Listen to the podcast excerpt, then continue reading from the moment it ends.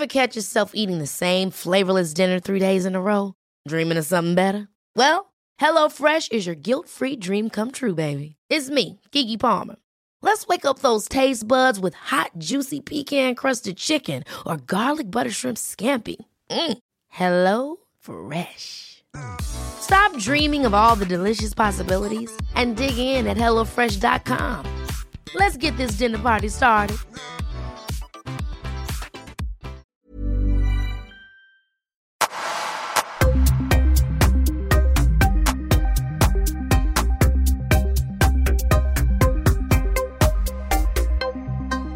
Robin Roos, välkommen till Öppet sinne.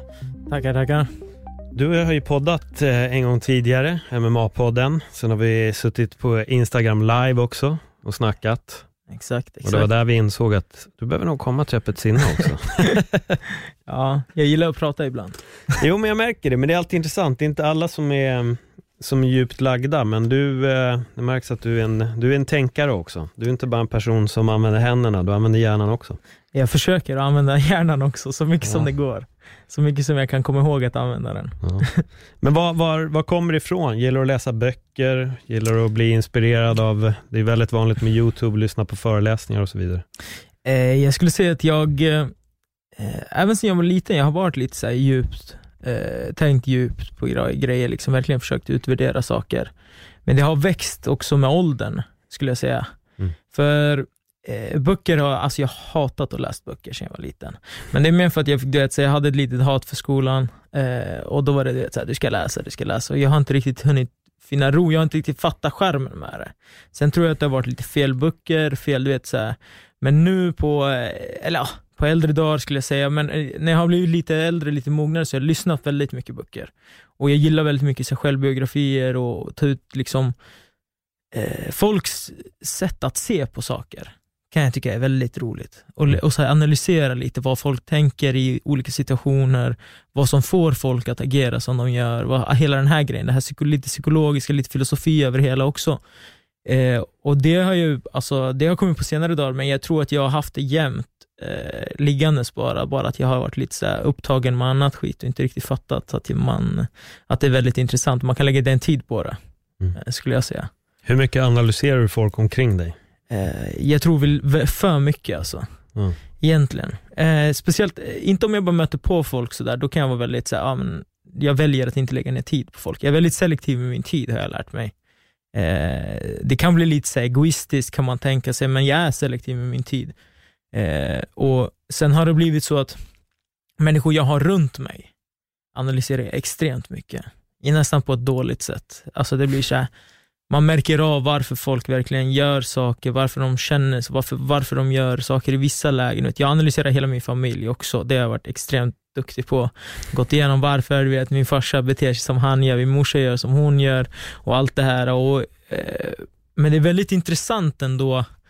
Eh, jag analyserar ju mig själv mest av allt. Vad har du kommit fram till där? Eh, att jag har mycket att jobba på. Men det, det roliga är liksom att jag, man märker när jag har mognat, så här, eller jag mognar konstant, att så här, man har sina tillbakafall och när, man, när mognaden försvinner, vet, och man verkligen så här, måste påminna sig själv om vad man är på väg, vad man vill få fram. Och jag är väldigt så här, mycket, försöker vara bättre varje dag på någonting. Någonting ska jag förbättra. Så här. Utveckla någonting bara. Det behöver inte vara värsta grejen, men, men och tack vare träningen har varit så stor del så blir det lätt att jag tränar varje dag, så det är någonting jag utvecklar.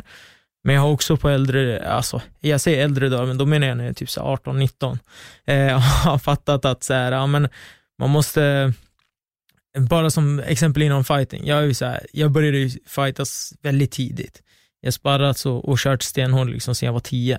Så jag har så aldrig tänkt att ja, men hjärnan, ja, men den är oändlig, tänker man. Så den håller. Eh, men sen vid typ 15-16 års ålder, bara, ja, man kanske ska börja använda hjälm också när man sparras och slåss varje dag. Eh, Sådana grejer och sen så här, du vet, att man verkligen bara eh, varje dag bara hittar någonting som du kan se och utveckla. Och sen är det så här, man måste påminna sig själv. För varje kväll, jag, jag har haft så grejer, man hittar du vet, på YouTube och alla de här grejerna. Ja, men varje kväll, gå igenom någonting du har gjort bra idag. Gå igenom någonting du skulle vilja utveckla, någonting du skulle kunna gjort annorlunda. Och att ta den tiden att analysera Jag gör inte det varje dag ska jag säga, för jag, ja, man glömmer bort liksom. Men om man kan göra det så är det sjukt givande. Och man behöver inte göra det på kvällen, eller, men det kan vara så här, jag, jag, när man har gjort saker, så här, varför? Varför agerar jag så? Om jag har haft ett samtal med någon kan jag tänka efter sig ibland. Som podcast också när jag lyssnar ibland så kan man tänka efter så här, om jag kunde formulera det här annorlunda, jag kunde ha sagt det här på ett annat sätt för att få, bet- alltså få fram meddelandet på ett annat sätt, liksom, det man ville eh, framföra. Sådana grejer kan jag göra. Eh, och Ja. sen mest av allt, eh, egentligen hur du påverkar, hur jag påverkar dem runt mig, Mm. tycker jag är det viktigaste. För man har ju ändå en roll oftast i sin familj och eh, har man en partner också, vad man gör eh, påverkar dem väldigt mycket. Och eh, när jag har, I mina yngre dagar har, man inte, har jag inte tänkt så mycket så. Jag har liksom så här, det, är, det är jag och sen bara tut, tuta och kör liksom. Och sen fattar man att så här, allt man gör har en ripple effekt utåt liksom. Och, och, och även så här hur du, hur folk ser på dig lite i den du är. Men man vill ändå vara sig själv jämt. Och det är en, Svårt. Det är ja, en utmaning för man är aldrig sig själv jämt. nej, Man är alltid olika människor, olika masker med vissa människor. Men jag hade en fråga där. Vad skulle du säga har varit en av de starkare insikterna om dig själv när du har gjort den här självanalysen? Finns det någonting där du verkligen har... Alltså jag, jag har ju eh, gått igenom, jag skulle säga jag har gått igenom typ stadier i mitt liv redan. Jag skulle ha gjort det ganska tidigt, tycker jag att jag har gjort. Min första insikt var för att när jag, eller min första stora insikt, eh, som fick mig att ändra liksom riktning hårt i livet. Det var ju när jag, jag, jag jobbade väldigt mycket inom bygg och jag hade liksom bra eh, förutsättningar för att tjäna och då började jag började jobba liksom från att jag var barn varje sommar, du vet, hela tiden. Så här. Min farsa har byggföretag, så jag bara, ah, men det är easy, när jag fyller 18 tar jag över det här, tjänar sjuka pengar och bara går vidare med det. Liksom. Pengarna är klara, liksom. man, man blir rik om några år. Min, eh, mitt största mål var att jag skulle ha en miljon innan jag var 25. Och så här, du vet, det var de grejerna, så här, innan jag är 25 då ska jag ha det, då ska jag ha det. Och det var materiella saker och mycket pengar. Liksom.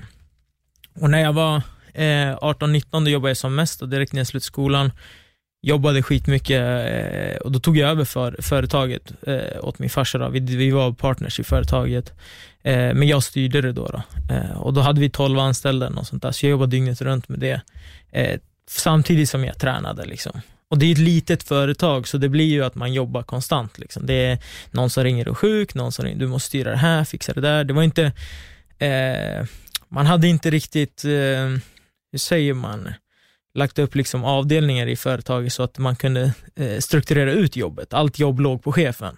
Alltså ja, såklart, arbetarna jobbar ju. Men eh, så, och jag jobbade ju aktivt som vanlig arbetare samtidigt. Eh, så det blev ju väldigt mycket jobb. Och jag tänkte bara, men det är så livet är nu. Liksom, så här, det är jobb och pengar, pengar, pengar, pengar.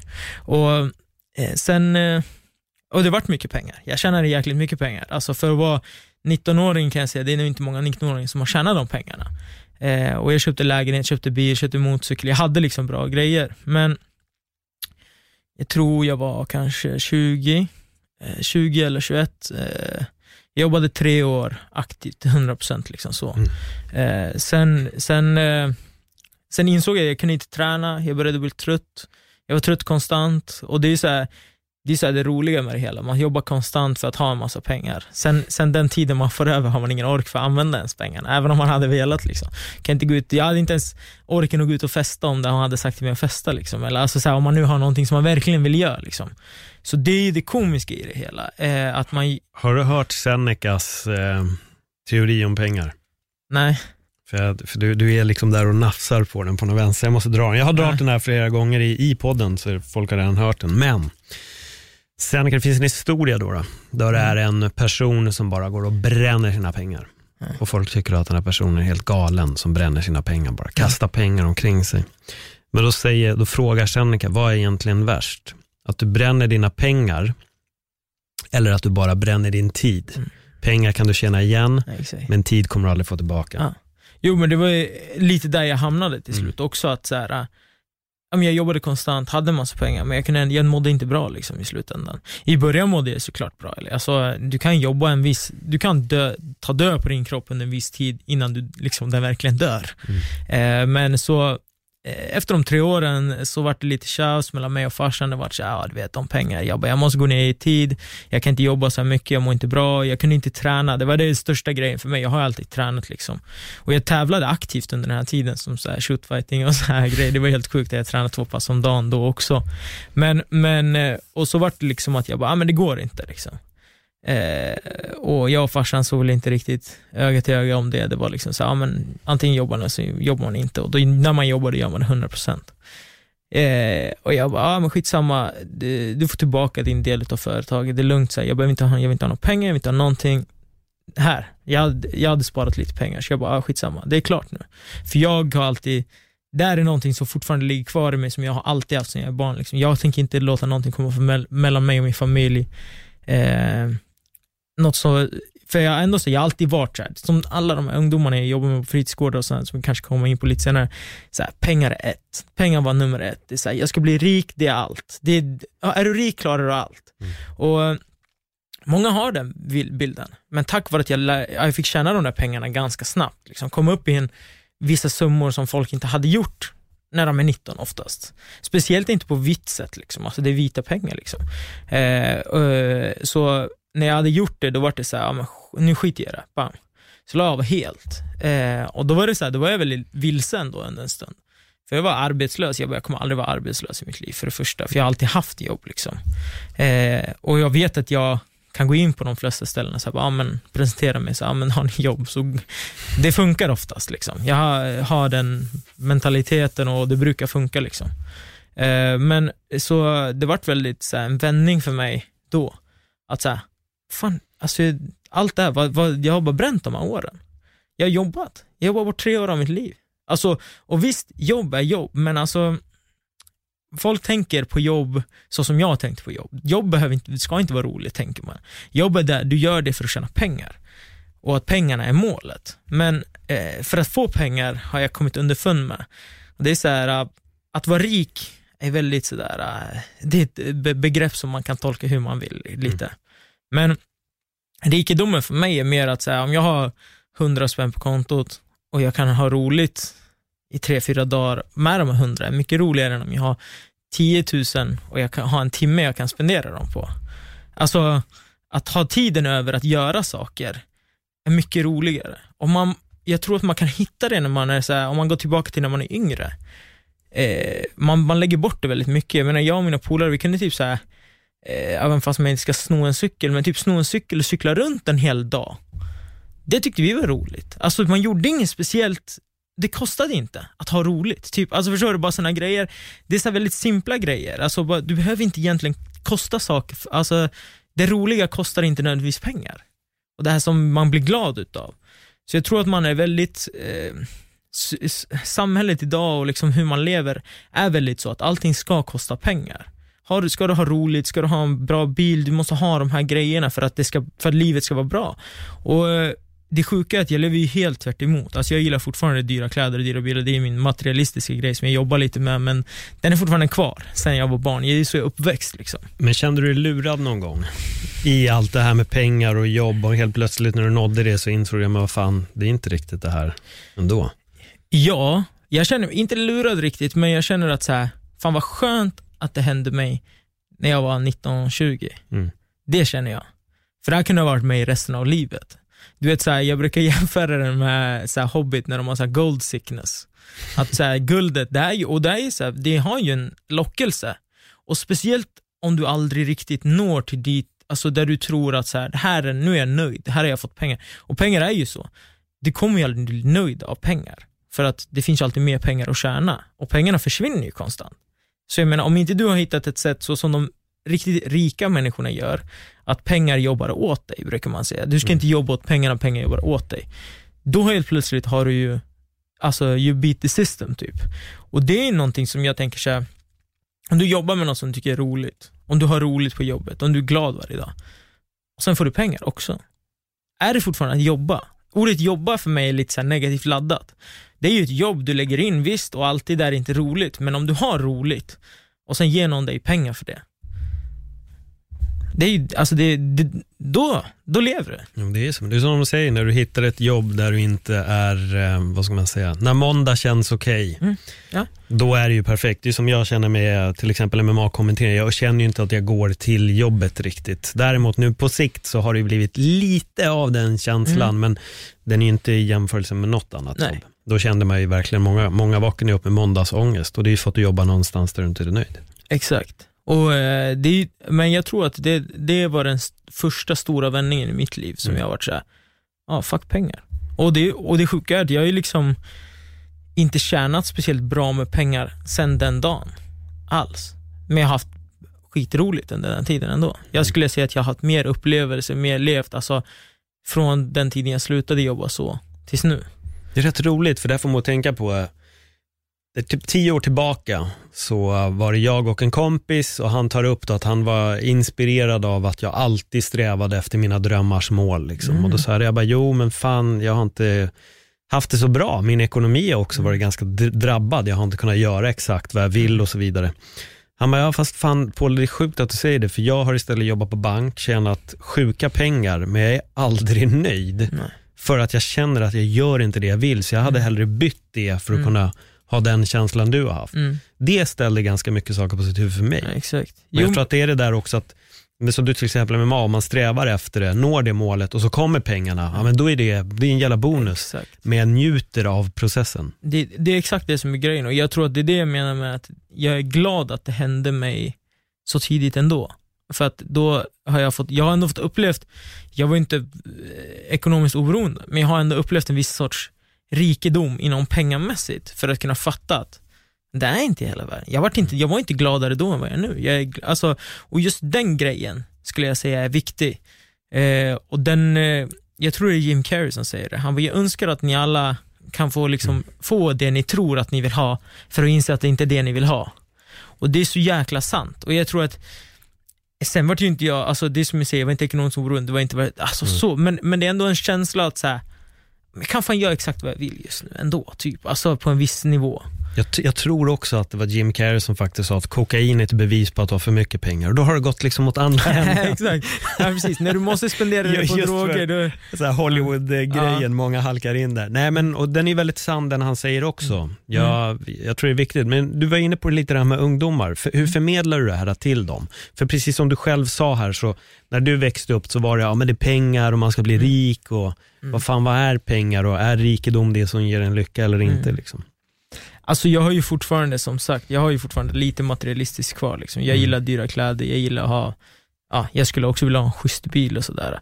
Men det är också hur du, vad du vill uppoffra för vad. Det är lite mer det. Eh, och när man jobbar inom, alltså jag jobbar inom fritidsgård och så innan, nu jobbar jag i skola då, som elevassistent. Men det är ändå samma, liksom, jag försöker få, förmedla ungefär samma budskap att om du hittar lyckan i det du gör, att du blir glad av det du gör, exakt som vi snackade, jag var inne på lite tidigare, då kan du på något sätt kommer du vara lycklig även om du inte har de pengarna och de här grejerna som du liksom eh, tror att du vill ha riktigt. Alltså för att, som du sa det här med din polare, liksom, han har bankman, han har haft sina cash, men liksom, vad fan har han gjort då? Har han varit nöjd den tiden? För du blir så glad, det är så här, du kan vara glad av att hänga med dina polare fast du, har- som jag säger, du kan ha helt tomt på kontot, du kan hänga med dina polare eller med din fru eller vad det nu är och vara skitglad. Utan några pengar. Sen finns det de som sitter i Bahamas och du vet, bara spenderar pengar. Och de är fortfarande inte lyckliga. För att de vet att fan på måndag måste jag tillbaka till det, jag måste göra det här, jag måste göra det här, annars kommer det där gå åt helvete. Du vet, du vet, man måste, och det riktiga rikedomen är ju tiden, har jag kommit fram till. Också med, med, med tiden har jag kommit fram till att tiden, och det, det, det är lite något jag kan vara lite ledsen över, att jag inte fattade det tidigare. Att så här, så här, fan tid är viktigt, så här, vad du gör med din tid, och sen ska man ändå finna tid att så här, vara, vara i nuet och inte bara tänka, ah shit den här tiden är viktig, den här tiden är viktig. Men när man väl är i nuet så försvinner ju tiden. Men det är ju en fin, fint sätt det försvinner skulle jag säga. Jag menar, är du lycklig, står är med någon eller bara känner dig att du är så här, i ett visst moment eh, har jävligt roligt och så här, tiden bara försvinner. Det är ju inte tid du någonsin kommer säga, bara fan nu försvann det två timmar. Det är ju tid du kommer tänka så här, fan vad roligt, det där är ett bra minne liksom. Mm. Och, och det är ju någonting som jag har börjat fatta att så här, även om jag är väldigt så här, jag är väldigt driven, jag vill med min fighting, jag har du vet, jag lägger ner så och så många timmar på träning varje dag och jag vill hela tiden framåt, vill komma upp till nästa nivå. Men samtidigt i det att hitta den här, att kunna vara sig själv lite. Eh, det, är, det, det är någonting som, eh, det är svårt. Det är väldigt svårt faktiskt. Men, eh, ja. Och sen när man har, jag tycker att när man jobbar på fritidsgård eller något sånt här, när man sitter med ungdomarna, många är så väldigt, du vet, så här, när de jobbar på sådana jobb, det ska vara så jag, jag är ju så här antistruktur lite. Jag, förut var jag extra, det är det som är det sjuka, när jag var ung och du vet, så här, ända upp till att jag började jobba sådär mycket och allt det där, så var jag så sjukt strukturerad. Då var det så här, allting ska, varje dag ska vara fan minimalt, allting ska finnas på papper, typ vad jag ska göra. Men sen nu har det blivit så här, allting bara flyter. Jag har fattat att så här, men, ja, det är så jävla sjukt. Men så här, med en, bara, bara en god vilja och en skön så här, flow i livet, så löser sig saker. Och Det låter fett flummigt och alla bara så här, men du så kan du inte bara tänka, men var, alltså, du vet det här, var positiv. Jag kör på det, jag, jag snackar med alla runt omkring mig. Bara, Tänk positivt, bara gör saker som du tror är bra för andra och för dig själv. Och hela tiden liksom må bra, jobba för att må bra. Och då kommer saker och ting lösa sig bara. Och det har hänt mig, alltså det finns så många instances så det bara så här, det här borde inte, det här borde inte funka. Jag bara, äh, skitsamma vi kör. Vi kör, allting funkar. Och sen blir det bara så. så här, och det, det där mindsetet, för det är så många som förespråkar det också, jag lyssnar på många som har det där. Och det funkar ju bara om man vill att det ska funka, om man verkligen tror på det. Är det lite love attraction vi är inne på? Här? Det är, exakt, mm. lite så. Och jag, jag, jag är ju så här extremt mycket, jag tänker tanken, alltså, och ju mer du kollar på det, ju mer du läser på om det, eller vad du än gör om det här med hjärnan, alltså, vad du kan styra. Det är logiskt att hjärnan styr allt, typ. Lite så här. Du, du är ändå, och ska man bli filosofisk med det, så vad är du egentligen om inte det är hjärnan som styr allt? Alltså du är ju en produ produkt av vad du är liksom, i din hjärna. Um, jag brukar säga till uh, mina kompisar, det är någonting jag hörde, uh, jag brukar säga till mina polare, till folk runt omkring mig också, jag tycker det är skitbra. Så här, du är, uh, vänta nu, jag är den jag tror att du tror att jag är. Den är skum. Men om jag tror att du, du tror en sak om mig, mm. då är det så det är också. För i dina ögon kommer jag projicera det. Men om jag tror att jag är Robin MMA-fighter, den här och den här. Det självsäkerheten är ju också en grej, som, det är det man förmedlar lite. Så om jag verkligen tror på mig själv, om jag är den jag är och jag förmedlar det till dig, då kommer du också tro det.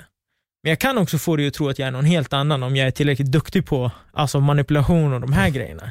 Så det är väldigt intressant vad man kan göra med, det, alltså med hjärnan. Eh, och Det är väldigt så här, när du går in i ett rum, du vet den här standard, så, ja, men vissa människor kan gå in i ett rum och det märks inte av.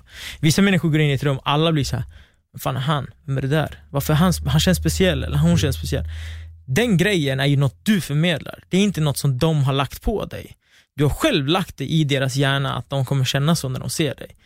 Och det är en känsla. Och jag kan känna från dag till dag hur du kanske inte förmedlar den så mycket ena dagen, men andra dagen är det helt sjukt. Du kan gå på stan och varenda, varenda person bara så här, fan, det, är no, det är något så här, den här, du vet, man, man ser hur, hur det vrider sig lite i deras huvud. Och det är en själv som projicerar det på dem. Men jag tycker det är jäkligt intressant och jag har sagt det till ungdomar jag jobbar med också, så här, att du måste kunna förstå vem du är först och bestämma dig lite. Så här, det här är jag. Det här är den jag ska vara nu, det kommer jag vara. Och sen är det ju alltid att du förändras, du är, alltså alltid, liksom, du, allting förändras ju konstant.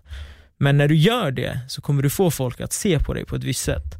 Och det i sin tur får dig själv att fortsätta. Så det är en så väldigt djup grej, men, men det är en väldigt så här, äh, det, det får, alltså den här uppåtspiralen, likväl som en nedåtspiral, båda fungerar. Och, men hamnar du i en nedåtspiral så måste du vara snabb och klippa den. För du vet, börjar du känna dig så här, fan, du, du kan jämföra med om du är sjuk en dag eller något så här. Ofta har man lite sämre energi, du känner lite så här, fan kanske inte känner mig jävligt snygg idag, eller så här, du vet någonting, du vet, så här, du har inte fixat håret, du inte, det, är, det är någonting du vet, så här, off. När du går ut den dagen och du har det i huvudet, så kommer du tänka att alla ser det, alla känner det. Och det gör de också, för du förmedlar det mm. till dem. Men hade du bara varit jäkligt så här, ego så här, nu kör vi, så här, 100% och kan stänga av vissa saker, då kommer de inte veta om det, även om de vet om det. Även fast det finns rakt framför dem. Det är något helt sjukt. Min teaterlärare sa alltid, fake it tills you make it. Ja. Och det ligger ju mycket i det. Oftast det, man måste börja tills man har, tills man har kommit dit. Ja, Men frågan är, vem är Robin? ja den är svår. Eh, som jag eh, var inne på, att man är ju alltid i liksom eh, ständig förändring och jag försöker ju alltid bli bättre i den jag är.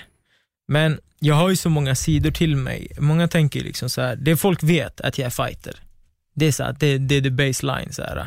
Eh, jag eh, älskar ju att sitta och rita, pyssla, hålla på och bygga så här, lergubbar, allt möjligt så här, pysselgrejer. Du vet. Så jag är väldigt kreativ av mig. Eh, det är någonting jag gillar att hålla på med. Det är någonting så här, för att för mig, kontrastet mellan att vet, så här, gå in och slåss till att sitta hemma och rita typ, det är jäkligt skönt. Så um, och sen tror jag att den jag är egentligen eh, har inte riktigt så här 100% kommit fram.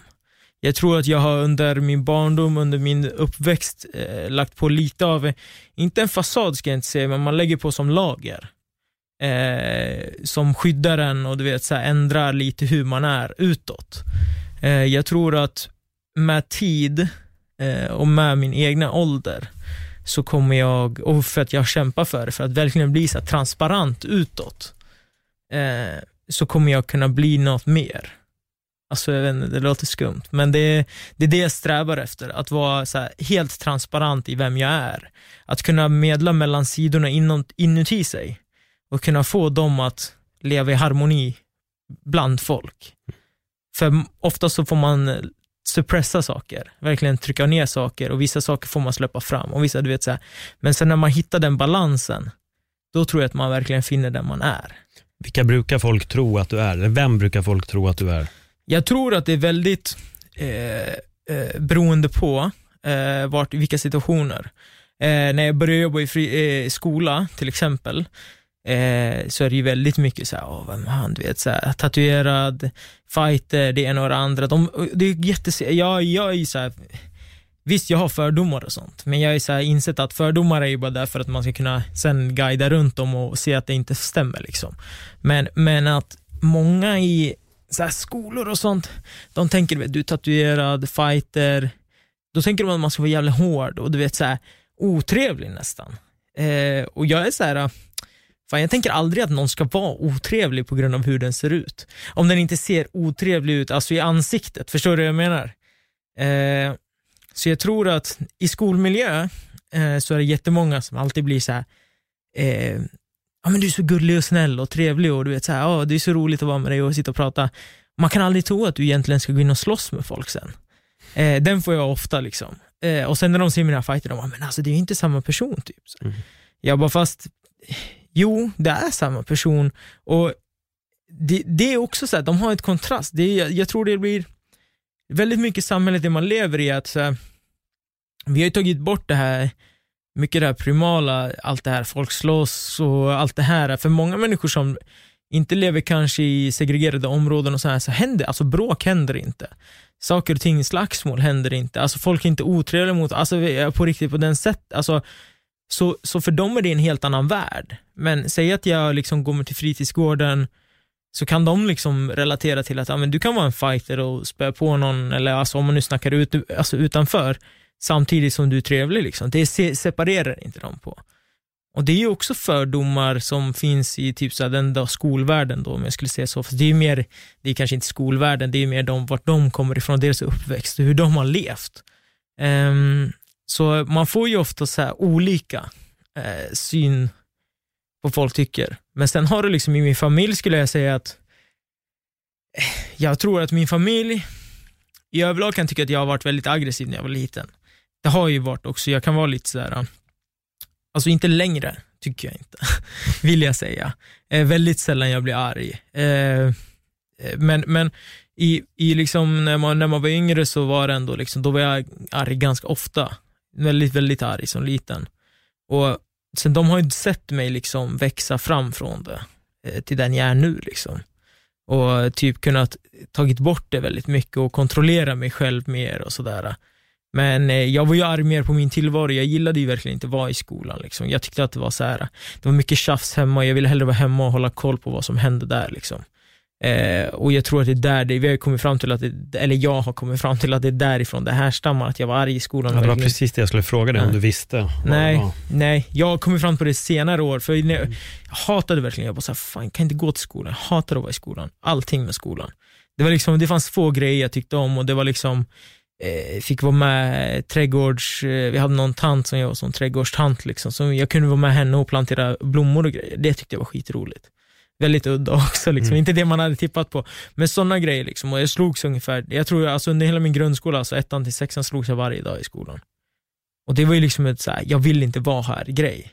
Och jag, det, had, det hade ju mycket med att det var mycket bråk hemma att göra. Vad var det som hände hemma? Alltså, morsan och farsan bråkade konstant. Eh, det var tjafs hela tiden och du vet, jag har två äldre systrar också, så det var tjafs med dem och du vet, det var konstant bråk liksom. Och jag har ju sett det där också eh, att min farsa har ju alltid tjänat bra med pengar, liksom. eller alltid ska jag inte säga, men de har, han har tjänat bra med pengar. Och han har, han har bra med pengar nu. Men jag har ju sett vad, alltså jag skulle inte säga att det har gjort han lyckligare. Eh, han skulle hävda annat. Men jag och han har haft många djupa samtal tillsammans nu på äldre dagar. Liksom, och, och, och, eh, vi, är väl, vi har en speciell relation, jag och han. Och, och eh, men när mina föräldrar separerade så var jag den som var kvar. Jag bodde varannan, jag är så här våg och om man nu tror på någonting med sånt så kan jag säga att jag är väldigt så här, rättvisa 100% för mig. Det ska, ska jag göra något, då ska det vara 50, det är så här, liksom mellan morsan och farsan, det ska det vara 50-50. Mm. Har jag varit där en vecka måste jag vara en vecka hos morsan. Det var så här väldigt viktigt för mig. Um, och uh, för mig var det en viktig grej att så här, de ska veta båda två att jag, så här, jag har supportat båda. Och det är väldigt svårt, det är en svår situation. Och jag tror att så här, man kan tycka att ja, det är ganska löjligt för mig, men för mig var det en stor grej att de flyttade isär. För när jag var, jag tror jag var 11 eller 12 när det hände. Och för mig var det en jättestor grej. Eh, för att jag har alltid sett, jag har lite av det här, du vet, som en jäkla, eh, vad heter de här jävla hundarna, du vet, som håller ihop flocken, du vet. Jag har lite av den där, jag vill hålla koll på min, på min familj. Jag vill veta vart alla är, jag vill ha koll på dem. Jag vill kunna vara där, ifall, och jag tror det var det som var lite, det genomspelades i skolan också. Jag vill kunna vara där och se vad som händer, när det händer. Även om jag inte egentligen kan göra så mycket, liksom, så vill jag bara vara där. Det är bättre om jag är där, känns det som. Det känns tryggare. Liksom. Då vet man vad som händer. Um, och jag var alltid skitnöjd, vet, så jag bara, men min, för jag hade många kompisar som deras föräldrar var separerade. Och jag var alltid såhär, nej men mina föräldrar kommer aldrig separera. Så de, om de kan bråka så här och inte separera, då kommer de inte separera, tänkte jag. Och jag var ju på dem alltså, flera år efter, jag bara, det är bättre om ni är ihop, även om ni bråkar konstant. Liksom. Jag bara, skiter i, det är fortfarande bättre. Ni kan få slå varandra, jag bryr mig inte. Och det är en skum grej att tänka så, och det har ju fått mig, alltså det har ju tagit mig kanske när jag var 18-19 började jag förstå att så, ja, men det kanske är bättre att de inte var ihop. Men det, det är väldigt så, e egoistisk grej, men det är någonting som för mig var en stor grej. Sådär. Mm. Det förstörde hela bilden av vad en familj var för mig. Du vet julafton, alla de här grejerna efter. Och det är ju som jag säger, alltså, folk har ju grövre problem än det här. Men i min värld så har det varit en stor grej verkligen. Så här, att splittra familjen, det är, så här, det är inte okej okay för mig. Och det har alltid varit så en stor grej. Vart du värre i skolan under skilsmässan? Under skilsmässan skulle jag säga ja. Eh, det tog mig nog typ sjuan, åttan, nian för att fatta att så här, ja men fuck it. Och jag, under, de, under de tre åren så var jag nog lite så här, jag var bättre i skolan för det var ju en annan skola, sjuan, åttan, nian. Det var en annan skola. Ettan till sexan gick jag en skola och sen sjuan, åttan, nian var det en annan skola. Och så flyttade vi till ett annat område och sådär. Då flyttade vi ut till ett lite mer eh, segregerat område kan man säga. Eh, eh, ja, lite rougher neighborhood. Innan bodde vi mitt inne i stan faktiskt. Eh, så det vart lite, lite så här ombyte av, det är sjukt egentligen, men jag har ändå varit ganska duktig på att liksom eh, guida mig igenom det utan att bli, eh, alltså Många av mina vänner varit väldigt så här, grovt kriminella, eller alltså gjorde mycket skit vid den åldern, eh, när man var så här, 13, 14, 15. Och jag gjorde väl också en del skit, men det var inte på någon så här överdriven nivå skulle jag säga. Um, och jag tror att under den tiden så, alltså jag, det är sjukt att jag har typ inga minnen, alltså riktiga minnen eh, från att jag är typ 15 och ner, 14 och ner. Vad, jag, vad tror du det beror på? För att jag, jag tror att för mig, i min värld så har det varit ett trauma, det som har hänt. Mm. Och jag har ju varit, jag har till och med gått till någon, vad fan är det hon gör då? Det heter ju typ någon sån special... Hypnos eller? Kraniel, alltså det är något så skumt, hon håller på med så här Ever catch yourself eating the same flavorless dinner three days in a row? Dreaming of something better? Well, HelloFresh is your guilt-free dream come true, baby. It's me, Kiki Palmer. Let's wake up those taste buds with hot, juicy pecan-crusted chicken or garlic butter shrimp scampi. Mm. Hello Fresh. Stop dreaming of all the delicious possibilities and dig in at HelloFresh.com. Let's get this dinner party started. Life is full of awesome what ifs, and some not so much, like unexpected medical costs. That's why United Healthcare provides Health Protector Guard fixed indemnity insurance plans to supplement your primary plan and help manage out of pocket costs. Learn more at uh1.com. Eh, hon har, det är typ healingaktigt, men hon håller på med spinalvätskan som går liksom i ryggraden och släpper på den eller gör något så här, jag kommer inte på exakt vad hon gör riktigt. Mm. Och då hamnar jag, jag hamnar, alltså jag är väldigt sådär, jag tror ju på sådana här saker obviously, men, men så, och då hamnade jag i så här stadier då jag varit väldigt så här vulnerable, alltså väldigt uh, utsatt kände jag mig. När hon gjorde den uh, behandlingen, då var det som att man nästan mediterade, vet, så här, djup meditation. Mm. Och, uh, och då kan man, jag blir så här, jag kan fortfarande bli ledsen över sådana grejer då kan jag känna så här, men, men jag har varit ledsen mest över att jag inte har några minnen. Alltså jag verkligen inte kan så här minnas saker. Eh, och sen nu har vi kollat lite på SVT har de en bra om minne och så här, hur du kan påverka dina minnen. Eh, och den var väldigt intressant att se, för att du kan fabricera minnen i ditt huvud av vad folk säger till dig. Och du kan ändra dina minnen, och du kan hitta på minnen, och du kan ta bort minnen. Så minnen är inte egentligen en bild av vad som har hänt, utan det är en fabricering av vad du tycker har hänt. Mm. Och det tycker jag är sjukt. För det är så här, många tänker ju liksom att minnet, det är så här, fan jag kommer ihåg det här, så är det. Ja, förändras hela tiden. Exakt, och det är ju ständigt i förändring. För vad, hur du är idag, liksom, om det är tio år sedan du kommer ihåg någonting, det förändras för varje sekund som går. Eh, så det det är coolt. Det finns en film faktiskt som, eh, det är en drama men han lyfter just minnena på ett sånt jävla snyggt sätt. Mm. För det är en person, då, Ewan McGregor eller Evan McGregor som pratar Mm. väldigt mycket genom filmen och då pratar han om första gången han fick veta att hans pappa fick cancer. Mm. Så jag, säger, jag mötte honom på sjukhus, han såg ganska ledsen ut och hade en grå kofta på sig. Så man, nej det hade han inte. Och så först ser man honom med den gråa Mm. koftan och att han är ledsen. Så man, nej men vänta, han hade en röd skjorta på Mm. sig och var väldigt glad. Så han fluktuerar hela tiden Mm. och alla minnen har i hela tiden ständig förändring när Exakt. han berättar. Och det, det är spot on, för det är verkligen Mm. så minnena funkar. Och Mm. minnen är ju också att vi tar fram dem en gång, Mm. drar den här historien och sen förändras den. Exakt. Så det ändras hela, hela tiden våra Exakt, minnen. exakt. Nej men så det är någonting som jag jobbat lite med, eh, eller jag jobbar konstant med, att plocka fram, jag tror att det där vid 14-15 där, så tog jag bort, alltså tryckte ner någonting jag hade. För sen så här, är det blankt, alltså det, under det så finns ingenting. Mm. Det är som jag börjar om i mitt liv. Och jag tror att det, det är ju liksom någonting som är helt undantryckt, som är kvar där. Och jag försöker att uppdaga det lite på något bra sätt. För att jag tror efter det också min ilska, allt det här har varit väldigt low alltså. Jag har svårt att bli arg. Sen blir jag jävligt arg när jag väl blir arg, men det är så här. Eh, jag vill kunna hitta det där, för att det är ändå en del utav mig som är kvar, som jag måste liksom gå igenom tror jag. Mm. Eh, sen hur roligt det ska vara och inte roligt, det är en annan sak. Men eh, jag har ju senare, alltså senare i mitt liv så, eh, eh, ja men det har varit lite, du vet så här eh, under, under, under två, tre år så var, var det mycket fighting och mycket, du vet så här, livet var jävligt bra tyckte vi. Så vi festade en del. Och sen det var du vet, så här, livet var inte så jävla på riktigt tyckte man. Det var så här, bara, vi kör matcher, festa lite och kör matcher och festa, du vet så här. Och levde så som många tonåringar gör. Eh, och sen ledde det till att jag sa, men fan det här är inte bra, för det skadade lite folk runt omkring mig. Det vart liksom att jag vart, enligt mig, en mycket sämre människa. Jag tänkte inte på dem runt omkring mig som jag hade runt omkring mig. Eh, och det påverkade många negativt.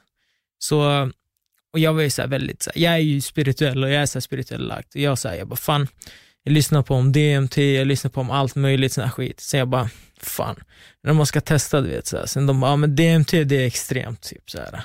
Men eh, jag testade faktiskt att äta svamp då. Extre, alltså en extrem mängd. När var det här? Eh, vad fan kan det vara? Typ, eh, ja, 2017 17 kanske. Eh, ungefär där kring. Det var fyra, fem år sedan. Vad, vad hände? Eh, alltså jag, jag upplever det som att eh, jag gjorde det här i Thailand. För det är så här, i Thailand kan du få tag i vad som helst, när som helst.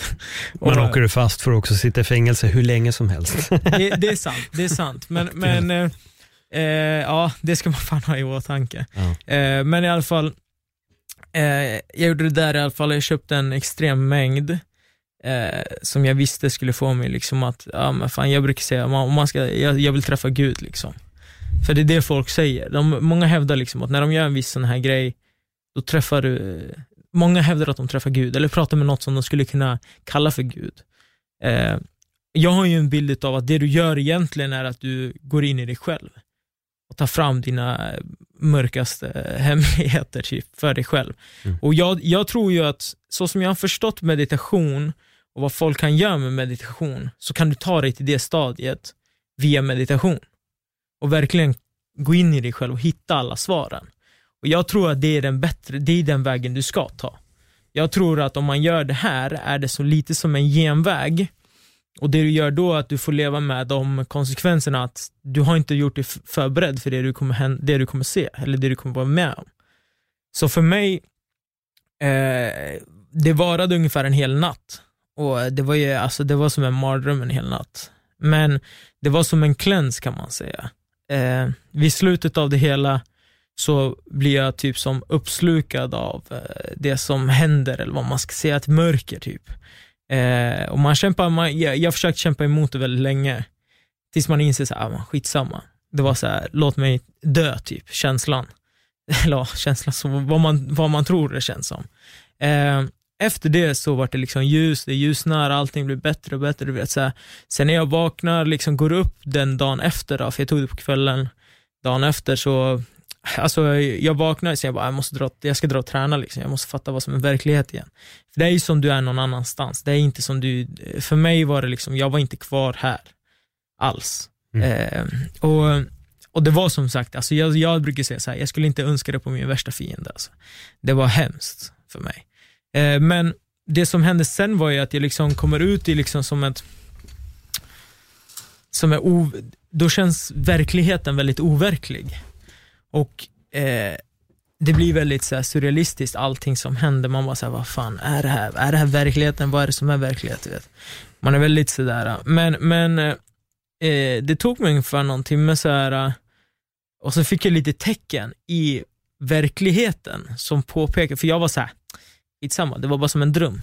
Det är ingenting att lägga någon tid på, liksom lägga tanken på. Så här. Det var ändå powerful, men det var bara, det var som en mardröm. Liksom. Sen hände saker under dagen som påminner mig. Så här, när jag tänkte, varje gång jag tänkte så, så hände saker. Alltså tydliga tecken i livet på så här, ey, det här var real shit. Du behöver inte tro i annat. Liksom. Och eh, Det fick mig också, allting, liksom, jag känner mig ren. Jag vet inte, fan det låter så skumt att säga, men jag känner mig helt så här cleansed. Typ som du är nyfödd alltså. Och Det de kallar det är ju typ ego death, du dödar ditt ego. Och det är verkligen så det känns när man är med om det. Att så här, du, du startar lite på noll igen. Och det kan ha varit en av de också stora liksom, delarna i mitt liv som jag tycker har förändrat mig till något bättre. Sen dess har jag inte festat någonting, du vet, jag har inte varit i närheten av liksom, liknande grejer alls. Jag har aldrig känt behovet av det ens. Och det, det jag märker dock, som är en grej som man märker, att samhället, hur vi lever, drar en sakta men säkert li, lite tillbaka liksom, i det här jävla... Man, det är typ som du är smutsig. Tänkte du det innan eller är det här en tanke som kom efter? Det här har kommit efter. Jag har inte fattat det riktigt. Eller alltså nu har jag fattat det, men innan hade jag inte fattat det. Det var typ som du vet, de kastade in det i diskmaskinen, när det kom ut så här helt ren, shiny, Sen du vet, ju mer och mer tiden går känner man hur man blir så här smutsigare och smutsigare.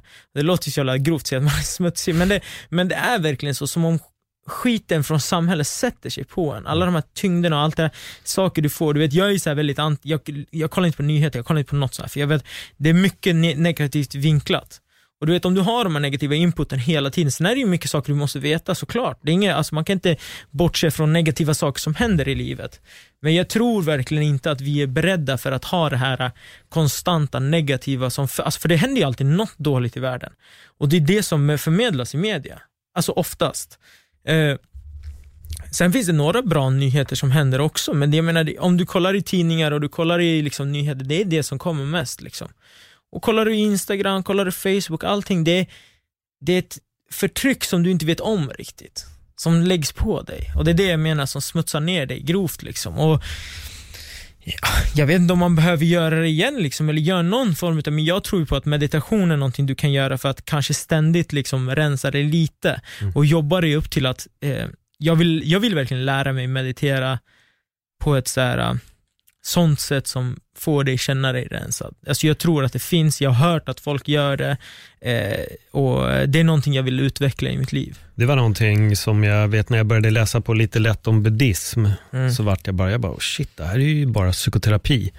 Att du jobbar med dig själv, det handlar om att rensa tankarna. Jag har faktiskt lyft, just du är inne på psykedel, jag har lyft det ämnet ganska många gånger mm. i den här podden. Jag har haft dels folk som har forskat med det, folk som har berättat om sina egna mm. upplevelser och det är väldigt liknande. Det du, det du tar upp. Men jag skulle nog rekommendera dig, läs lite lätt om buddhism. Alltså, mm. Alltså för där får du ju verkligen det här med att ja, men jobba med det mentala. Mm. Att, alltså, jag, att, meditera och verkligen fokusera i meditation. Jag har ju, eftersom att jag spenderar så mycket tid i Thailand, så har jag lite, lite koll på det. Mm. Och, men det är ju buddhismen, hinduismen, taoism, alla de här grejerna, de har ju delar av de här grejerna. Liksom. Och sen tror jag liksom som att, jag brukar säga, du vet, så här, du kan, som jag var inne på tidigare, du kan styra allt med hjärnan. Mm. Du kan styra vad du känner med hjärnan. Alltså det är jättesjukt också. Eh, jag brukar dra exemplet för du vet, så här, man säger ja, men smärta är liksom, för, för, för, när man kopplar det till fightingen lite, så här, folk bara ja, men du måste få ont när du slag. Men det är ett mindset. Du kan inte tänka att du ska få ont. Sen kan ju saker och ting göra ont. Jag brukar säga med lowkicks eftersom jag sparkar så mycket, så här, så här, bara, men folk bara ja, men du, du måste ju få ont när du sparkar. Jag bara, men du måste vara inställd på att när jag sparkar så kommer det göra mer ont på dig än vad det gör på mig. Det tänker jag långt innan jag drar en spark. Och gör jag inte det, det är samma när jag blockar, då tänker jag så här, när, jag, när du sparkar nu, om jag blockar så kommer du få så mycket ondare än vad jag får. Sen kanske det inte är så, men i min hjärna är det så. Mm. Och då är det sant. Och Det är lite samma sak, jag brukar dra den parallellen, det finns någon bild när en munk, jag vet inte om det är i, uh, jag ska inte säga fel, skitsamma, det är en munk i alla fall, han tänder eld på sig själv. Han är ju alltså, ah, ja. Ja, du, det är en yes. jättekänd bild. Ja, exakt. Ja. Det var en protest mot, jag vet inte om vilket Tibet, utav krigen, men det är Tibet eller kan vara yes. Exakt. Och där, vad heter det, eh, jag sa det, så mycket kan du styra dig. Mm. Sen var han, och sen kan det ju vara en hoax, vem vet, han kanske tagit någon drog så han inte känner något. Men i min värld så är det så mycket du kan styra dig och jag tror verkligen på det. Och jag menar om du kan sitta i och alltså verkligen brinna utan att känna det. Eller känna det, han känner det men han mm. suppressar det på något sätt och inte visar att han känner det. Det för mig är the ultimate proof att ditt mind, du styr allt med hjärnan. Du kan till och med, jag, jag, är ganska säker på att du kan lämna din kropp med hjärnan, alltså på något vänster. Mm. Och inte liksom, jag tror det är så man gör typ en sån grej, om man nu, det är inte något jag skulle rekommendera till någon, men jag tror det är lite så man gör, att man, så här, man kopplar bort sig själv från den kroppsliga, alltså, eh, ja, jag, vet att du är inne på isvaksbad, har du börjat lite yes. med. Eh, jag vet att när jag började med det så frågade jag killen som jag badade med de första gångerna. Jag frågade liksom, när blev det varmare för dig att gå ner i vattnet? Och så han bara, Paul det har aldrig blivit varmt. Han bara, jag accepterar bara kylan. Och där jag bara, shit, jag var så klart. Om du accepterar det, då kommer det funka. Och så fort jag började bara mm. acceptera att det var kallt och inte förvänta mig något mm. annat, då blev det helt plötsligt nästan varmare då, då mm. om man ska vrida på det åt det hållet. Ja. Nej men exakt så. Alltså det, det är samma med smärtan som du säger, du accepterar ju att det kommer göra ont. Mm. Du, du, vet. Ja exakt, och det är liksom det där och, och att om man ska dra det till en extrem nivå, att kunna vara konstant redo för förändringar mot sin kropp eller attacker, attacker mot sin kropp eller mot sitt sinne. Det är ju det djupaste liksom, eh, meditativa stadiet du kan vara i, mm. tror jag. Jag tror att liksom att kunna styra vad för tankar som får komma in, vad för tankar du ger tid till, vad för allt är negativt och allt det där. Om du ger tid till det så kommer det ju också froda liksom i ditt huvud. Och, och jag, jag, jag, tycker det är viktigt. Eh, jag är extremt mycket, du vet jag lyssnar på Jordan Peterson, eh, hans bok 12 rules for life, den tycker jag är väldigt bra. Han har mycket konstiga grejer också för sig, men det är så här. Sen har du David Goggins som är liksom på en annan sida av spektrumet som är liksom bara allting är pain, livet är suffering, liksom bara rakt igenom. Eh, men alla de här som jag lyssnar på och, och tar grejer ifrån är oftast att det handlar om hjärnan. Och du vet, jag lyssnar mycket på Matthew McConaughey, jag var med på Joe Rogans podcast också och snackade om det. Eh, sen jag lyssnat lite, börjat läsa lite på hans bok också. Samma sak där, alla går, alla tänk, alltså det, är, det är hjärnan som styr allt. Det kommer, man kommer underfund med det, vem, vem du än pratar med som är successful eller vad de än gjort, vad de än har tagit sig. De människorna som verkligen är något, eller vad, så, nästan alla du ser upp till om du kollar på någonting, de, är, de använder sin hjärna på rätt sätt. Mindset. Ja, Allting handlar om mindset. Ja, och, och eh, det är samma, du vet, så här, eh, jag, jag är mycket inne på med karma lite sådär, du vet, man pratar om, vet, om folk gör något mot dig, så här, man, behöver inte, man behöver inte göra något tillbaka. Jag är väldigt sådär, jag har förstått att du är lite så också, men Mm. jag är väldigt såhär, men det kommer, jag är väldigt såhär överdriven, folk runt omkring mig stör sig på det. Här, det är lugnt, det kommer lösa sig, jag lovar dig. Jag brukar alltid skoja, jag är ju såhär, jag älskar vikingagudar och så jag brukar säga att det är lugnt, Oden har min rygg. För jag har ju Odens ögon i nacken också. Eh, under min trip så var det också Oden som jag stötte på. Det är därför jag säger att det är en projicering av vad du själv tror. Mm. Så här, vad du hellre vill, vad, vad, vad du tycker är familjärt att träffa. Eller kanske inte familjärt, eller hemskt, eller vad, vad det nu är. Eh, det är projiceringar från dig själv. Men, så det är därför jag brukar alltid säga, bara, det är lugnt, Oden har min rygg, han kommer ta hand om det här. Och det är väldigt roligt för att det är så, saker och ting, och folk runt omkring har tvekat på det här. Eh, och när det har hänt så har de bara så här, fan helt sjukt, det har rätt ändå. Och jag brukar skoja och säga, det är lugnt, det är, det är Oden, han kan klippa dem, det är lugnt. Men det är verkligen så här att när, när folk gör saker mot dig, som de innerst inne vet är fel, då kommer de straffa sig själva på någon vänster. Allt, ja, men precis, allting handlar ju om, alltså, vad ska man säga, att eh, göda det någon annan ger också. Mm. Det är där det är. Det är återigen, jag älskar Seneca för han har haft så jävla bra uttryck och det är det här med skitsnack. Mm. Då frågar han varför tar du åt dig? Är det sant eller är det nonsens? Om Mm. det är nonsens, varför bryr dig? Om det är sant, ja då får du ju rannsaka dig själv varför du tar illa upp. Exakt. Och det är oftast där det ligger. Man blir oftast mest provocerad när någon säger någonting som också är sant. Exakt, ja ja. Och att också, det är ju nog lite så här, äh, jag vet inte, psykologi eller vad det grundas i, men jag har lärt mig sedan jag var liten att så här, man, fan, man kan inte låta folk påverka en. Om Nej. den som påverkar dig styr dig. Ja, så är så det är 100%. Så du vet om någon är, du vet så här, om du säger fan jag stör mig på den här jäveln, fan jag stör mig hela tiden. Så här. Det är han som bestämmer över dig. Mm. Han, tänker, han är i din hjärna, du kanske, han, kanske, han kanske inte ens vet om att du finns. Mm. Och det finns så många som lever så. De lever sitt liv och spenderar tid att tänka på vad andra gör och vad andra, fan, fan vad dryg den här jäveln är, eller fan vad dum han är. Det sjuka är att då är man ägd av andra människor. Ja, exakt. Och det är det som är, och det är också, vi kommer tillbaka till det här med tid och med mindset och allt det där. Du dödar ju din tid på något som inte ger dig någonting. För den personen vet inte om att du finns kanske. Nej. Det är ju så här ultimata hatarna liksom, som sitter på Instagram och bara "Ah, vilken jävla bitch han är och kolla han, han fick stryk. När efter mina tre förluster i rad kan jag tänka mig, jag hade ett par stycken sådana här som bara "Va, vilken jävla idiot, varför går han ens och tränar? Tror han ska kunna vinna något nu eller? Vad ska jag bry mig om dem? Ja, det, var, Alltså- det var precis så roligt, precis när du sa det där så började jag, det var verkligen min följdfråga. Hur hanterar du folk Mm. som kommer med ja, men, skeva påståenden på uh, sociala medier? Alltså grejen på sociala medier, jag, tror, alltså, jag har fan bra feedback. Jag har Mm. positiva folk ändå. Eh, jag vet inte, jag brukar säga så här att jag eh, jag tror att jag attraherar bra folk runt mig Mm. till en viss del. Eh, sen får man alltid med lite dålig folk och hit och dit och det kommer alltid vara folk som inte gillar den. Men sen har jag också såhär, har väldigt sällan folk går fram till mig och säger något negativt eller något dåligt sådär. Nej, de gör ju bara på nätet. Jo, det är sant. Men, men även på nätet, jag har inte upplevt så mycket liksom. Nej. Faktiskt. Eh, sen är inte jag överdrivet stort following sådär. Jag tror att när man grow, alltså när den växer ännu mer, då kanske det blir mer liksom. Mm. Såklart. Alltså, men jag tror också att tack vare att jag inte, jag är inte en shit-talker, jag snackar inte skit, jag beter mig inte som något annat än den jag vill att folk ska tycka att jag är och den jag försöker vara. Eh, så tror jag att folk kan se det. Mm. Jag hoppas i alla fall det. Det är det jag försöker förmedla, det är därför även som på en sån här podcast, jag försöker liksom inte, jag spelar inte, jag gör inte något och även med det här mindset att man, när man är ute och är så vill man vara, visa vem man är och såna här grejer, men jag är alltid, jag försöker alltid vara mig själv så mycket, jag går, så mycket det går liksom. Och jag tror att via att vara det så är det väldigt svårt, det är svårare att hata på någon som är sig själv. Nej, det går inte. Nej, alltså Det- det- det egentligen går går det inte. Man, det krävs jävligt... det krävs något extra Ja. för att göra det. Sen är det ju det lite också att när man inte göder den skiten, det är extremt avväpnande. Ödmjukhet är ju det största vapnet egentligen. Att när någon Mm. går på och får ingen respons, det är ju jättefrustrerande för den som går på. Exakt. Men samtidigt till slut så kommer de ju bara ge upp. Alltså Ja. Det finns ingenting att göra, de står ju bara och viftar efter spöken i slutändan. Ja, nej men precis. Och jag tror att det är ju ännu en gång, liksom, det mindsetet, ska man ta åt sig av Mm. skit eller ska man liksom se allt bra man har istället? Jag menar om det är en person som säger något dåligt, sen har du 300 som säger något bra. Mm. Om du fokuserar på den som säger något dåligt, då är, Ja. då är det ju du som är dum. Liksom.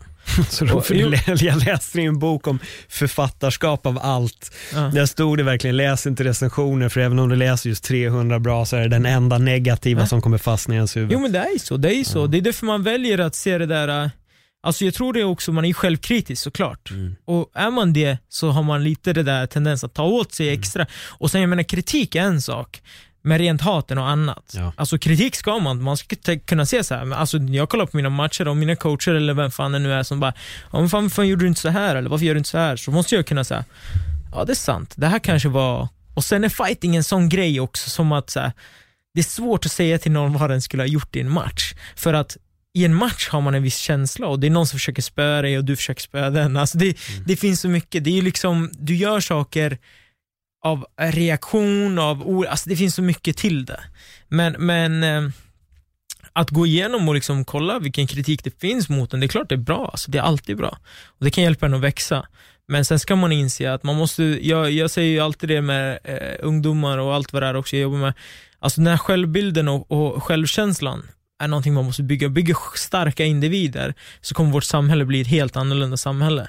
För det vi gör just nu är bara att vi har ett gäng människor som inte vet vilka de är och inte känner av vem de är och är vilsna. Alltså nästan alla, alla ungdomar som jag träffar är vilsna. Alltså. Och jag tror att det kan ha varit likadant när jag var yngre, men jag tror att det blir värre och värre. För att... eh, På vilket sätt tycker du att det blir värre och värre? Alltså jag tror att sammanhanget man är i just nu är så stort. Alltså när jag var yngre, visst det fanns Facebook och så här, men, men ditt sammanhang var ändå typ så här, men jag kommer från Västerås, mitt sammanhang är i Västerås. Mm. Förstår du? Om jag nu ska hålla på med något eller vara värst i något, då är det i Västerås. Och sen kanske efter det Sverige. Sen Europa, sen, no- eller Norden, Europa. Du vet så här, Det är så man levlar upp liksom och jämför sig. Nu, du vet, alltså om du, om du är 15-16, du jämför dig med ja, yngre också. Du kollar på Instagram och så här, fan, kolla de här tjejerna, de ser ut så här. Det, det, det här är det jag måste ha. Mm. Om du, eller det här är det jag måste vara. Alltså om du nu är tjej eller kille, eller vad var det nu. Så det är allt, du jämför dig alltid med det som är bäst i världen inom quotes, liksom, för det är det man tror är bäst, eller det, det som visas utåt ska vara bäst. Och jag tror inte att vi är förberedda för det, våra hjärnor klarar inte av det. Det är för stort sammanhang, jag menar vad är det, 9 biljoner, vad är det, 11? Jag vet inte Ja, hur. det är mycket Det är extremt mycket folk, alltså hur ska du kunna jämföra det med alla dem? Egentligen alltså. Nej, jag håller med. Jag kan säga jag är skitglad över att jag växte upp i ett Mm. samhälle då internet egentligen typ inte ens existerade. Nej. Det kom ju fan när jag var typ så här 18 eller Ja. 19 någonting. Ja. Jag är jätteglad att inte sociala medier fanns. Nej. För jag tror det hade varit jobbigt. När jag Ja. ser hur det är idag så upplever jag verkligen det måste vara så jävla jobbigt. Ja men det måste ju vara som ett ständigt förtryck liksom. Eh, för att du kan aldrig vara där, du kan aldrig nå dit. Men du måste förstå det och det är lite upp till föräldrar också att kunna förmedla det att säga men du är bra som du är, Mm. du är den du är. Och du kan aldrig vara något annat. Det är den, det, det är den, alltså och det är inte så här att man inte kan bli något bättre än vad man är, utan mer att så här, det är okej den du är, sen kan man alltid växa. Men du även om jag växer så är jag fortfarande jag. Mm. Det är det jag menar, att man ska inte försöka pracka på någonting så här. det är skitmånga som säger ja, men fixa ordning, gör så här, gör så, så kommer du också bli som den. Nej, du ska inte försöka bli som den. Du ska alltid bara försöka bli bästa versionen av dig själv. Och om du är den bästa versionen av dig själv, så kommer alla se det. De kommer alltid se så här och de kommer alltid se en som är som lägger ner tiden. Du behöver inte ens bli den bästa versionen av dig själv. Men om du ständigt försöker, då kommer alla tänka liksom, ja men det är good enough for me. Varför, om du försöker att bli en bra människa, skulle, hur ska jag kunna klanka på det? Samma fråga igen här då. Hur förmedlar du det till ungdomarna som du jobbar med? Alltså det är svårt. Jag försöker ju att förmedla det via mig- själv såklart. Mm. Jag, försöker, jag, jag är ju väldigt mycket så att man måste ändå leva som man lär. Eller alltså till en viss del. Och alla människor, man är inte perfekt så jag gör ju också fel och jag kanske inte alltid är liksom den jag försöker vara. Eh, och det är jag också transparent med. Eh, jag hade mycket diskussioner med dem när jag jobbade på fritidsgård, med dem jag jobbade med då, att det var så här, ja men du vet, man kan inte prata om vissa saker, man kan inte prata om droger, man kan inte prata om man har gjort någonting förut, om man har varit ung, om man har, du vet. Jag bara, ja visst, ni kan tycka att, ni, att man inte kan prata om sånt, men det är också fake. Då, och unga, och jag brukar alltid säga det, unga barn, de ser igenom ditt, ditt eh, falskhet mycket snabbare än vuxna gör. De känner av saker direkt när du är äkta eller inte. Och det är därför jag har haft så lätt, tycker jag, jag anser att det är så lätt att komma in på de flesta fritidsgårdar eller bland barn och ungdomar som jag jobbar, att jag de känner en trygghet i mig för de vet att mm. jag kommer vara likadan alla dagar. Jag är äkta med mina känslor. Om jag säger att jag är trött en dag, då visar jag det till dem. Fan jag är trött idag. Men du vet, det finns många som är såhär, nej men du vet, nu är jag professionell, nu jobbar jag. Mm. Men de hälsar inte på ungjävlarna om de är ute på stan. Man bara, va? Vad ska du, hur ska du kunna jobba med människor då? Det är inte samma sak. Det är inte som att du går till en maskin och sätter dig och jobbar med maskin. Det här är människor. De har känslor. Du vet, jag har flera, jag har inte jobbat på fritidsgård nu på säkert, vad är det, tre år? Fyra år kanske? Tre år. De ungarna ringer fortfarande mig, smsar mig, skriver till mig, skriver på min Insta. Du vet så ah, Robin vad ska du göra? Då? Varje gång jag träffar dem, du vet, de ger mig en kram och säger att de älskar mig. Typ. Alltså, och det är inte för att jag har spelat någon annan, det är för att de vet vem, vem jag är. Du vet, vi har så här, någon unge har vet, så här, inte blivit upphämtad, man får inte göra så egentligen. De har inte blivit upphämtade av sina föräldrar typ på kvällen, om jag har bott i närheten. Du har sagt du kan chilla, vi kan, jag ska gå hem och hämta min hund, vi ska gå ut med hunden. Du kan följa med mig så gå ut med hunden tills dina föräldrar kommer. Mm. Det var logiskt för mig, för att det är så här, visst, jag vill inte att han ska stå själv mitt på natten, klockan är halv elva, tolv på natten. Men jag vet att ingen annan har gjort det, för de anser att han var en gangsterunge typ. Förstår du? Mm. Sådana grejer, och de har sagt, hur, hur kan du låta, du vet han vart du bor. Jag tror jag går runt och är rädd för barnen jag jobbar med. Är det sjukt alltså? Det går inte. Hur ska du kunna vara rädd för barn för det första, nummer ett? Man kan vara rädd för det de eh, möjligen kan göra i det sättet av att de kan ha eh, inga spärrar på grund av hur de är uppväxt. Visst, det kan jag köpa. Men också om du ger dem den rädslan, vad förmedlar du då? Mm. Förstår du? När man går runt och är rädd för någon. Om jag känner att någon är rädd för mig, jag vet att när jag gick i skolan så var många lärare rädda för mig. För att jag var helt så gränslös. När jag var så här, upp till sexan, liksom, då, jag gick runt, jag, jag hade lätt kunnat slagit en lärare, jag har säkert gjort det också, jag kommer bara inte ihåg det. Men, men alltså, och, och det, det för mig var, och de, jag vet att det var några lärare som sa att ah, man blir rädd när man ser det i korridorer. Och jag tyckte bara det var coolt. Jag bara, fett roligt. Ja, du har ju tagit makt. Ja, jag har mm. makt över dig då. Mm. Förstår du? Men att om de bara är sig själva, sen hade vi andra lärare som var helt så här, hur coola som helst. Hade aldrig någon beef med ingenting, ogillade inte dem någonstans. Mm. För de var sig själva och hela den här grejen. Och det, det är synd när vuxna visar att det är inte okej okay att vara sig själv till ett barn. Nej, men så är jag minns det också från plugget. Det är få lärare som man fastnade för. Mm. Alltså väldigt, väldigt få. Det var väl den enda unika personen som man Exakt. väl liksom tyckte bra om ja. och som också lyckades styra en klass på ett bra sätt. De som inte kom in och var lärare. Exakt. Många gånger var det och, det det handlade om. Och ändå är vi fast i det skolsystemet ja. vi har. Ja, nej, det är sjukt. Och jag jobbar ju ändå med lärare, jag tycker jättemånga av dem är bra och de har bra värderingar, de tänker bra. Mm. Jag tror bara, jag brukar säga så här, du kan ha läst varenda bok i världen, om du inte har rätt sätt att förmedla det så kan du inte berätta för nej. någon någonting.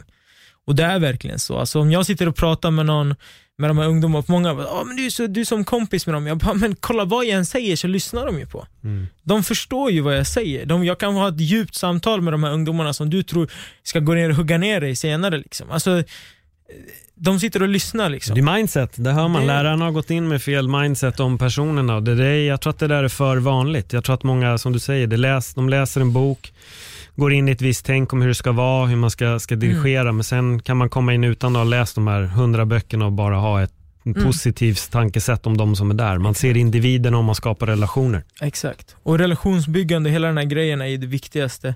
Alltså, och det, det säger jag om allt. Liksom. De ungdomarna, de barnen jag har jobbat med, som folk har varit rädda för och folk inte vill ta i. Liksom. Det är bara, de är missförstådda, de har ingen relation till dem, det är klart du inte når fram till dem och de har inte egentligen det är många som inte riktigt lägger ner det och försöker. Mm. De säger att de försöker. Och de gör sina boksätt som de tycker att så här ska man nå fram till ett barn på, enligt den här sidan. Men du har inte levt. Har du någon gång själv varit barn? Alltså jag brukar, jag, den, den frågan brukar jag ställa så här. jag är väldigt barnslig av mig själv. Men jag brukar många, så tänka, många gånger tänka på, alltså, har du aldrig varit barn själv?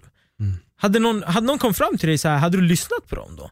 Jag kan ju relatera, för jag hade absolut inte gjort det på 90% av de lärarna jag har jobbat med och så här känner, jag bara så här, sättet ni beter er, det är klart att de, hade jag jobbat, ni ska vara glada att de ens är så som de är. Hade ni, jag brukar ofta säga det, jag bara, när jag haft mig i skolan så hade ni gråtit varje dag, för det här är inte, sättet ni gör på är liksom, så det är så, det känns så bara fake allting. Mm.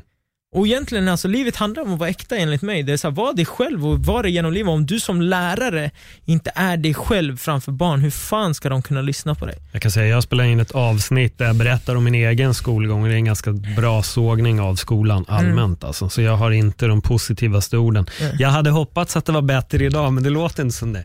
Alltså, Det alltså, som det jag, jag, jag tror att det finns, som jag säger, det finns äh, så många som går in med rätt, Mm. rätt vilja, skulle jag säga. Men sen är det liksom också, det faller lite på också föräldrar som inte uppfostrar sina barn alls. Eh, den, den grejen är också väldigt krävande. Vi har liksom, man har barn i klassen och man har barn i andra klasser, du vet, som, som, som man märker att fan deras föräldrar skiter fullständigt i vad vi säger till dem. Och man märker, du vet, man kan jobba dygnet runt med de här och det händer inte så mycket. Och sen vi jobbar man med andra och det händer något. Då märker man ju vad skillnaden är, oftast hemifrån. Och det kan jag ju säga, jag kan ge plus till många föräldrar som, har, som ändrar sig och gör jobbet när de fattar vad som är problemet. För många vet inte, många har inte kunskapen. Det köper jag. Har man inte kunskapen, jag själv hade nog försökt att skaffa kunskapen, men det är sån jag är. Jag söker efter det alltså, som saknas. Men, men, men om man inte har det och får det och sen gör det, grymt. Ni, perfekt. Jag förstår det då. Men de som får kunskapen, de som får alla möjligheter och ändå inte lägger ner tiden och inte vill, det kan jag inte, det, det, det för mig är, är väldigt, eh, det är främmande. Eh, och det är så här, jag vet inte, uppfostringsmodellen, allt det här och hela, hela skolsystemet, allt det där. Jag, jag, eh, ja, jag vet inte, det är svårt. Det är svårt att se vad som är rätt och fel. Vissa kan ju fostras bra av skolan som den är just nu. Mm. Men, eh, ja, det är tror... mycket ansvar från många håll, som du säger. Det- Det, är det både finns ju många, hemifrån ja. och det är även skolan. Och, Ja, det är, det är många exakt, det är många aspekter till det. Det finns inte alltid liksom, man kan inte skylla på en sak. nej. Och man ska inte skylla på saker heller känner jag. Om man själv lägger ner lite tid så får man se liksom vad, vad, vad det utvecklas av och vad, vad det, man planterar lite bra ord och lite tankar. Och vissa tar det inte alls på. nej. Och då kan det vara lite så här, ja men det kan vara problem är så- Jag var ju väldigt så här förut, bara, alltså när jag, kontraster till när jag jobbade inom bygg, liksom, hur jag tänkte på hela allting. Du vet, så här. Det är sjukt alltså, det är helt sjukt. Och då kan man verkligen se så här, ja men fan, då tänkte man så här, ja men du vet, otacksamma jävla ungar, de gör inte det här. Men sen börjar man förstå liksom, ja men vad fan, deras liv, vad som kanske, vad händer hemma, vad gör de där, vad gör deras föräldrar och där. Och jag såg ju inte heller på mig själv på samma sätt. Och hela den där, du vet, hela den bilden förändras. Så eh, det är ju liksom, det är, det är roligt att kunna se tillbaka så. Att man har växt och ser individerna och fattar att alla personer agerar på ett visst sätt. Oftast finns det något bakom det. Liksom. Så är det alltid. Nej, men jag, jag håller med. Eh, Robin har faktiskt nått vår Mm. ände. Yes. Eh, däremot så tycker jag det är spännande. Jag brukar egentligen fråga om att ge någon form av tips till lite olika, vad det nu är man gör. Men jag tycker att du har gett en, en timme av tips, så den, det tipset hade just nu blivit överflödigt. Ja. Utan jag säger istället lyssna om Mm. och ta åt er av uh, utav grejerna. Ja. Och det, var, alltså det är roligt att, att prata med er för att det märks att du är, som jag sa, du är verkligen en kille som tänker och det, Mm. det är inte alla människor som gör det. Utan det finns verkligen många som då bara liksom flyter med strömmen och gör det de blir tillsagda eller vad de Mm. tror ska vara bra. Exakt. Jag gillar när folk gillar att, att gå djupt. Och jag Yes. vet att vi om något år sitter här igen för då, Yes. då har det hänt mer för jag märker att du är en, du är en ständig process. Yes, Ja, det är väldigt, väldigt spännande. Alltid utveckling. Ja. Ja. Nej, men grymt. Var kan man Ja. följa dig om man inte redan följer dig? Eh, Robin Prettyboy Ros på Instagram. Eh, och sen, ja men det är väl typ det egentligen. Facebook om man vill också ha en sida där också. Men på Instagram är jag mest aktiv. Mm. Eh, och jag har väl lite fighter och grejer kommer upp, så det, det finns lite att kolla på. Mm, grymt. Yes. Och då har vi inte ens snackat fighting nästan Nej. alls under den här timmen. Nej, men super, Ja. in och följ Robin Roos och verkligen ta åt er av de här tipsen och fan kom ihåg, allting handlar i slutändan om, om mindset. Mhm. Och om det är första gången ni hittar den här podden så scrolla igenom. Det finns jättemycket andra bra intressanta samtal som jag tycker ni kan ta del av och prenumerera gärna på podden också. Tack för den här gången. Tackar. Hej då.